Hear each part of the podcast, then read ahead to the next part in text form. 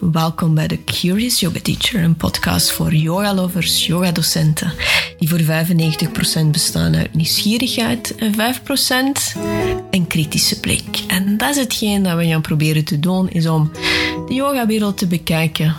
Heel veel liefde, heel veel verwondering en een klein beetje kritische blik. Dus ik zou zeggen, enjoy.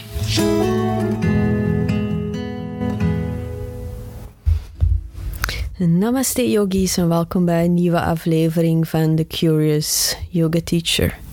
Dus ik heb me weer even teruggetrokken in mijn slaapkamer. Op de boekenkast ligt Rennie een dutje te doen, want een kat is nu eenmaal heel lastig en moeilijk. En dat entertainen, daar moet je, daar moet van recupereren. Dus um, deze week wou ik het hebben over de yoga mindfuck. En yoga mindfuck is iets waar ik zelf drie jaar, drie jaar les van heb gehad. En yoga mindfuck is vooral iets dat voorkomt als je begint met lesgeven. Is dat je alles wat je kent, wat je doet, dat je alles in vraag stelt. Dat stemmetje die in jouw hoofd jouw gedachten influistert om te bevestigen dat het niet goed zit. En een voorbeeld van die yoga mindfuck kan zijn van je hebt een les gegeven en de les zat mooi vol. Iedereen deed fijn mee, de, vibe was goed. Je vond dat je een goede les hebt gegeven en je denkt van ah, het begint te lukken. De mensen beginnen mij leuk te vinden. Je begint uh, populairder te worden en ik kan misschien mezelf wel als een goede yoga docent bestempelen. En dan kijk je, dan is het volgende week en een paar uur voordat je les geeft, kijk je van oh, hoeveel mensen zijn er ingeschreven. En dan zie je vier staan. En dan denk je van oei, dus die les was toch niet zo goed. Heb ik iets verkeerd gezegd? Heb ik iets verkeerd gedaan? Was het te intens? Was het, was het te rustig? Um, waren ze niet tevreden? Um, was de vibe niet goed. Dus je begint alles wat je de week ervoor goed vond in vraag te stellen. En dan kom je op zo'n rollercoaster terecht, waarbij dat je altijd checkt van hoeveel man is er en altijd het aantal mensen die zijn ingeschreven in jouw les, dat ziet als een reflectie of dat je goed kunt lesgeven, ja of nee. Hetzelfde van, oh, krijg ik reacties op mijn social media, um, vragen mensen mij om vervangingen te doen. Als ik een les vervang, zijn er dan veel mensen die de les mee volgen. Krijg ik feedback als ik, als er, als ik eh, op een andere locatie les heb gegeven. Vinden ze mijn kleren uh, tof? Ze lachen niet met mijn grapjes, ik ben niet goed. Dus dat je, dat je merkt dat je zo'n hele verhaal begint te creëren in jouw hoofd, dat volgens mij dan ook helemaal niet strokt met de realiteit. Maar voor ons is het realiteit. En dat zorgt ervoor dat je door een hele emotionele rollercoaster gaat. En dan, dan er vaak verschillende scenario's zijn die je doet. Zowel de eerste scenario is dat je zelf begint te vergelijken met andere yogadocenten die ongeveer even lang bezig zijn. Dus dan ga je op de Instagram-feed gaan eh, spioneren van mede-collega's of mensen die samen met jou de yogaopleiding hebben gevolgd. En dan denk je van, oei, die doet dat goed en die geeft privéles en ik heb geen privéklanten en hoe doet hij dat? En die heeft nu een online cursus en die heeft zoveel volgers meer dan mij. En dan begin je, dan proberen te ontrafelen, wat doet ze anders dan ik? Dus waarschijnlijk is wat dat zij doet veel beter, dus ik ga dat ook moeten toepassen. Een ander scenario is, dan begin je les te volgen bij iemand anders die al langer bezig is en denk je van, ah, oké, die heeft heel veel trouwe mensen. Oh, wat doet ze allemaal? Oké, ik ga dat opschrijven en misschien moet ik dat ook dan testen en toepassen op mijn eigen lessen. Ofwel denk je van, ik weet nog niet genoeg. Ik ben nog maar pas begonnen. Natuurlijk dat de mensen mij niet goed vinden. Dus ik ga me nog inschrijven voor een aantal cursussen en een aantal opleidingen. En als ik al die opleidingen heb gevolgd, dan ben ik een goede yogadocent. Een ander scenario is dat je zodanig in jouw hoofd zit en zodanig twijfelt aan alles. Zelfs twijfelt aan de dingen dat je goed doet, dat je gewoon beslist om ermee te stoppen. Dat je zegt van, ik wil die niet, ik wil die rollercoaster niet, het is genoeg geweest. Ja, ik stop ermee, dan. Nee, gedaan. Wat dan natuurlijk heel spijtig is. Maar weet dat die mindfuck of die emotionele rollercoaster heel normaal is. Zeker als je iets doet met heel veel liefde en heel veel passie. En als het een, echt een stuk van, jou, van jouzelf is, dan is elke vorm van opmerking of iets anders komt binnen. Dat is niet hetzelfde dan als je een job doet en je hebt een e-mail geschreven met een fout en iemand zegt van, oh die e-mail was niet correct. Dan denk je van, oh ja, je past dat aan. En dat, dat heeft geen die opmerking neem je niet aan als een, een opmerking over jouw persoonlijkheid. Het is gewoon hetgeen dat je verkeerd hebt gedaan. Dus dan neem je vaak niet mee naar huis. Dus toen dat ik startte met lesgeven en dat ik drie jaar op die rollercoaster zat en mezelf af en toe een beetje heb verloren door mij te vergelijken met anderen, door zelfs te zien van oh, hoe kleden die zich, de, zo even mijn stijl kwijtgeraakt, um, naar andere lessen voor, ah, ze doen dat zo, misschien moet ik dat ook zo doen. De, dus mij op sommige momenten wel verloren wat voor sommigen heel raar gaat klinken, omdat ik nu wel overkom als iemand die heel goed weet waar ze mee bezig is. dat is wel zo. Meestal. 95% van de momenten weet ik heel goed waar ik mee bezig ben. Dus ja, ik, ik verklaar het voor een stuk omdat yoga is mijn passie. Ik heb ervoor uh, schilderkunst gedaan en ik deed dat wel graag, maar schilderen was nooit mijn passie ik heb niet zoiets van, als ik niet schilder, dan ga ik dood.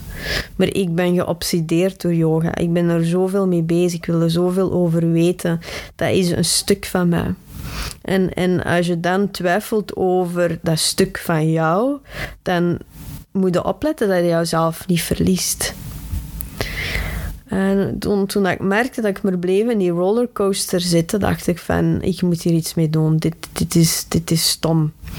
inderdaad, alle, alle scenario's die ik heb opgenoemd, alle van mijzelf vergelijken, op Instagram zitten cursussen kopen, dat zijn alle dingen dat ik zelf heb gedaan om een fake gevoel van zelfvertrouwen te hebben. Als ik al die kennis heb, dan gaan de mensen mij geloven wat ik zag. En op een bepaald moment was ik het zo beu van die rollercoaster dat ik zoiets had van oké, hoe kunnen we dit anders aanpakken? En dan ben ik uh, beginnen lezen en beginnen nadenken en dan ook eens zien van, van, waar, van waar zou die onzekerheid komen. Uh, voor een stuk is die onzekerheid bij iedereen. Maar heel vaak is er ooit in het verleden is er een opmerking geweest in die opmerking werd nu nog altijd door. Je kunt nog bijna zelf zeggen op welke dag, door wie dat het werd gezegd, in welke context. Sommigen weten zelfs wat ze nog hebben uh, wat ze aan hadden. Dat is die ene opmerking van een vriendin of meestal iemand die in een functie zit uh, om, les te geven, die, die iets verder staat in zijn levensweg. Die, die opmerkingen kunnen echt iemand fnuiken. En de reactie van zo'n opmerking is drievoudig. Ofwel zeg je fuck you, I don't care. Ofwel stopte ermee, ofwel gebruikte die opmerking als een manier om te bewijzen dat het niet zo is. Dus ja, ze vragen, de fuck you is vaak het gemakkelijkste. Dus ze zegt van ja, dat, dat, dat is snapt en heel vaak hun eigen frustraties meebrengen in de opmerkingen dat ze geven. Dat die opmerking niet over jou gaat. Maar ja, als je eh, een tiener bent, dan kun je dat vaak niet plaatsen. Nu kun je dat zien. Als je boodschappen doet en de dame achter de kassa is wat kort, dan, dan weten van misschien heeft ze net een, een, een raar bericht gekregen of, of heeft zonder uitvoeten gekregen of is er iets gebeurd of heeft ze een slechte dag. Dus je pakt die opmerking niet persoonlijk, omdat je ziet van er kan zoveel gebeuren. Ja. Zorg dat mijn draad niet kwijtraak. Oké. Dus bij mij is het, volgens mij, als ik dan helemaal terug ga, is het begonnen in, tijdens, ik denk dat ik in het eerste of in het tweede middelbaar zat. En toen, ik denk dat het eerste was, en toen hadden we nog zanglessen. Um, ik zat in een katholieke school, dus ik denk stiekem dat die zanglessen er waren om dan de mensen met een goede stem eruit te pikken, om in het koor te zetten en dan dat koor te laten opdraven als het de wekelijkse mis was. En dan het zou wel zoiets geweest zijn. Nu zie ik het volledige beeld, maar toen, toen zag ik het niet. Ja. dus die zangles, ik zong heel graag. Ik vond dat plezant. Uh, ik zong mee met van alles. Ik had zo een, een tape recorder en dan zong ik mee met de, de top 40 of de top 30. En ik had ook ambities om ballerina te worden. En ik wou dansen. En, en, en ik, was, ik was een kind, een puber die daarmee bezig was.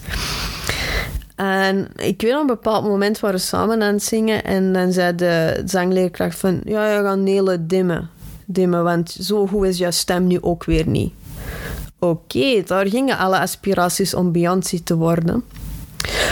Helemaal door het venster. Ik wou nooit geen Beyoncé worden. Maar als er iemand zo'n opmerking geeft... Dan, dan kun je dat ook allemaal zien van uh, zing niet zo luid, je kunt niet zingen, um, ik wil jouw stem niet horen, je bent het niet waard om naar te luisteren. Je kunt, kunt er een hele reeks van boodschappen aangeven. En, en vaak kan het zijn dat er ook zoiets gebeurd is, of dat je schrik hebt om jou belachelijk te maken, of ooit heb je eens een presentatie gegeven in uh, een boekbespreking, en dan waren er twee jou aan het uitlachen, pestgedrag van alles. Dus dit zijn allemaal dingen die in jouw hoofd kunnen vastgehaakt zijn, die onbewust nog altijd doorwerken op het, op het denk, denkpatroon dat je hebt. Hetzelfde als een goede vriendin. Je hebt een nieuw broekje gekregen en het is wat kort en je hebt juist een boterham gegeten en jouw buik is wat opgezwollen. Eh, je bent 14 jaar. Dus dat vel is nog allemaal strak. Je ziet er fantastisch uit. Maar dan heb je zo één vriendin tussen haakjes. Die dan zo kijkt naar jou van... Goh, en span een beetje in jouw broekje.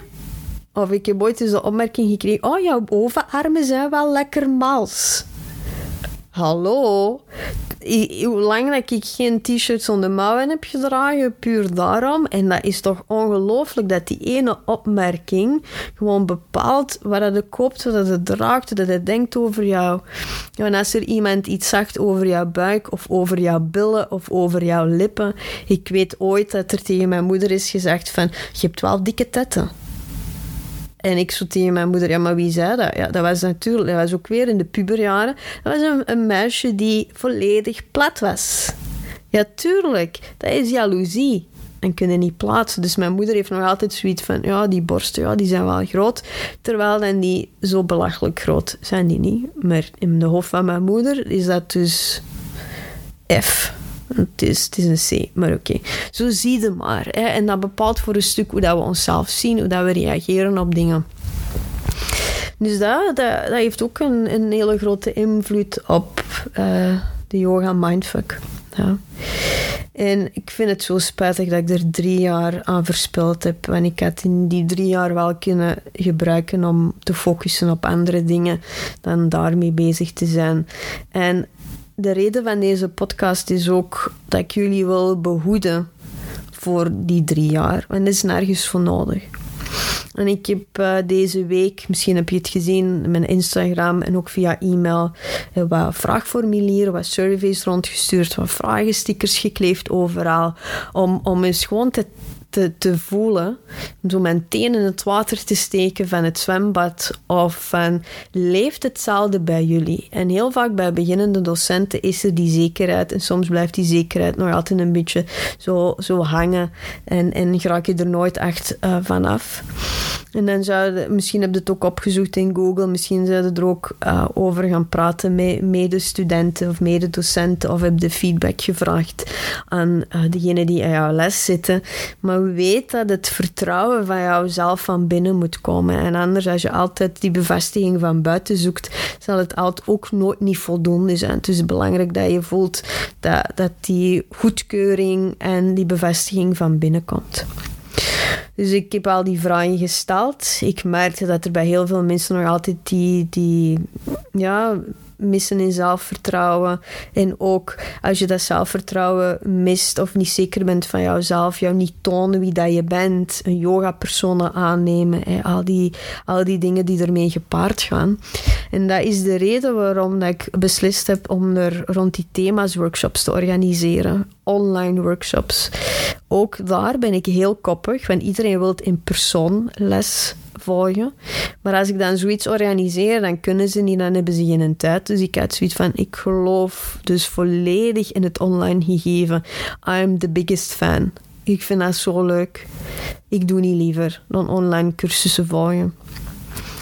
Dus ik heb een ik, ik ga online workshops creëren. En het voordeel van die online workshops is dat die twee uur duren. Dat je die in één dag kunt doen. En dat je nadien die tips en tricks ook dadelijk kunt toepassen. Het is niet van eerst zes weken, eerst 2000 euro betalen en dan ja, dan misschien. Nee, nee, nee. Kort en krachtig, heel hard gefocust op specifieke topics. Dus de eerste workshop die er aankomt is degene over Boost Your Confidence. Boost Your Confidence voor beginnende yoga-docenten. Beginnende heb ik tussen haakjes gezet, omdat die boost wel voor ook ervaren yoga-docenten heel nuttig kan zijn. Zeker als je voelt dat je even steun en een luisterend oor nodig hebt, maar dan eerder door de vorm van video's. Dus wat die workshop inhoudt, die Boost Your Confidence, is dat we de buitenwereld bekijken en de innerlijke wereld. Dus we starten met de innerlijke wereld.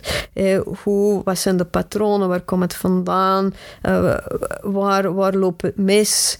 Eh, hoe kun je dat kanaliseren? En dan ook, hoe kun je de dingen die rondom jou, de uiterlijke wereld, eh, de wereld buiten jou, hoe kun je ervoor zorgen dat het toch zo um, goed georganiseerd bent, dat bij momenten van twijfel of lichte paniek als je les geeft en je zet jouw sequence kwijt of andere dingen, hoe dat je toch met die dingen waar dat je geen controle over hebt, hoe dat je dat toch mee kunt omgaan. Ook qua scenario's, wat je kunt doen als je uh, vervangingen geeft, hoe dat je dat kunt aanpakken, hoe dat je met humor of met een andere manier, of hoe dat je jouzelf introduceert, hoe dat je die zwaarte van die vervanging kunt wegnemen. Maar als gevolg dat je dan toch jouw eigen stem kunt vinden en met zelfvertrouwen jouw manier van het lesgeven kunt doorgeven.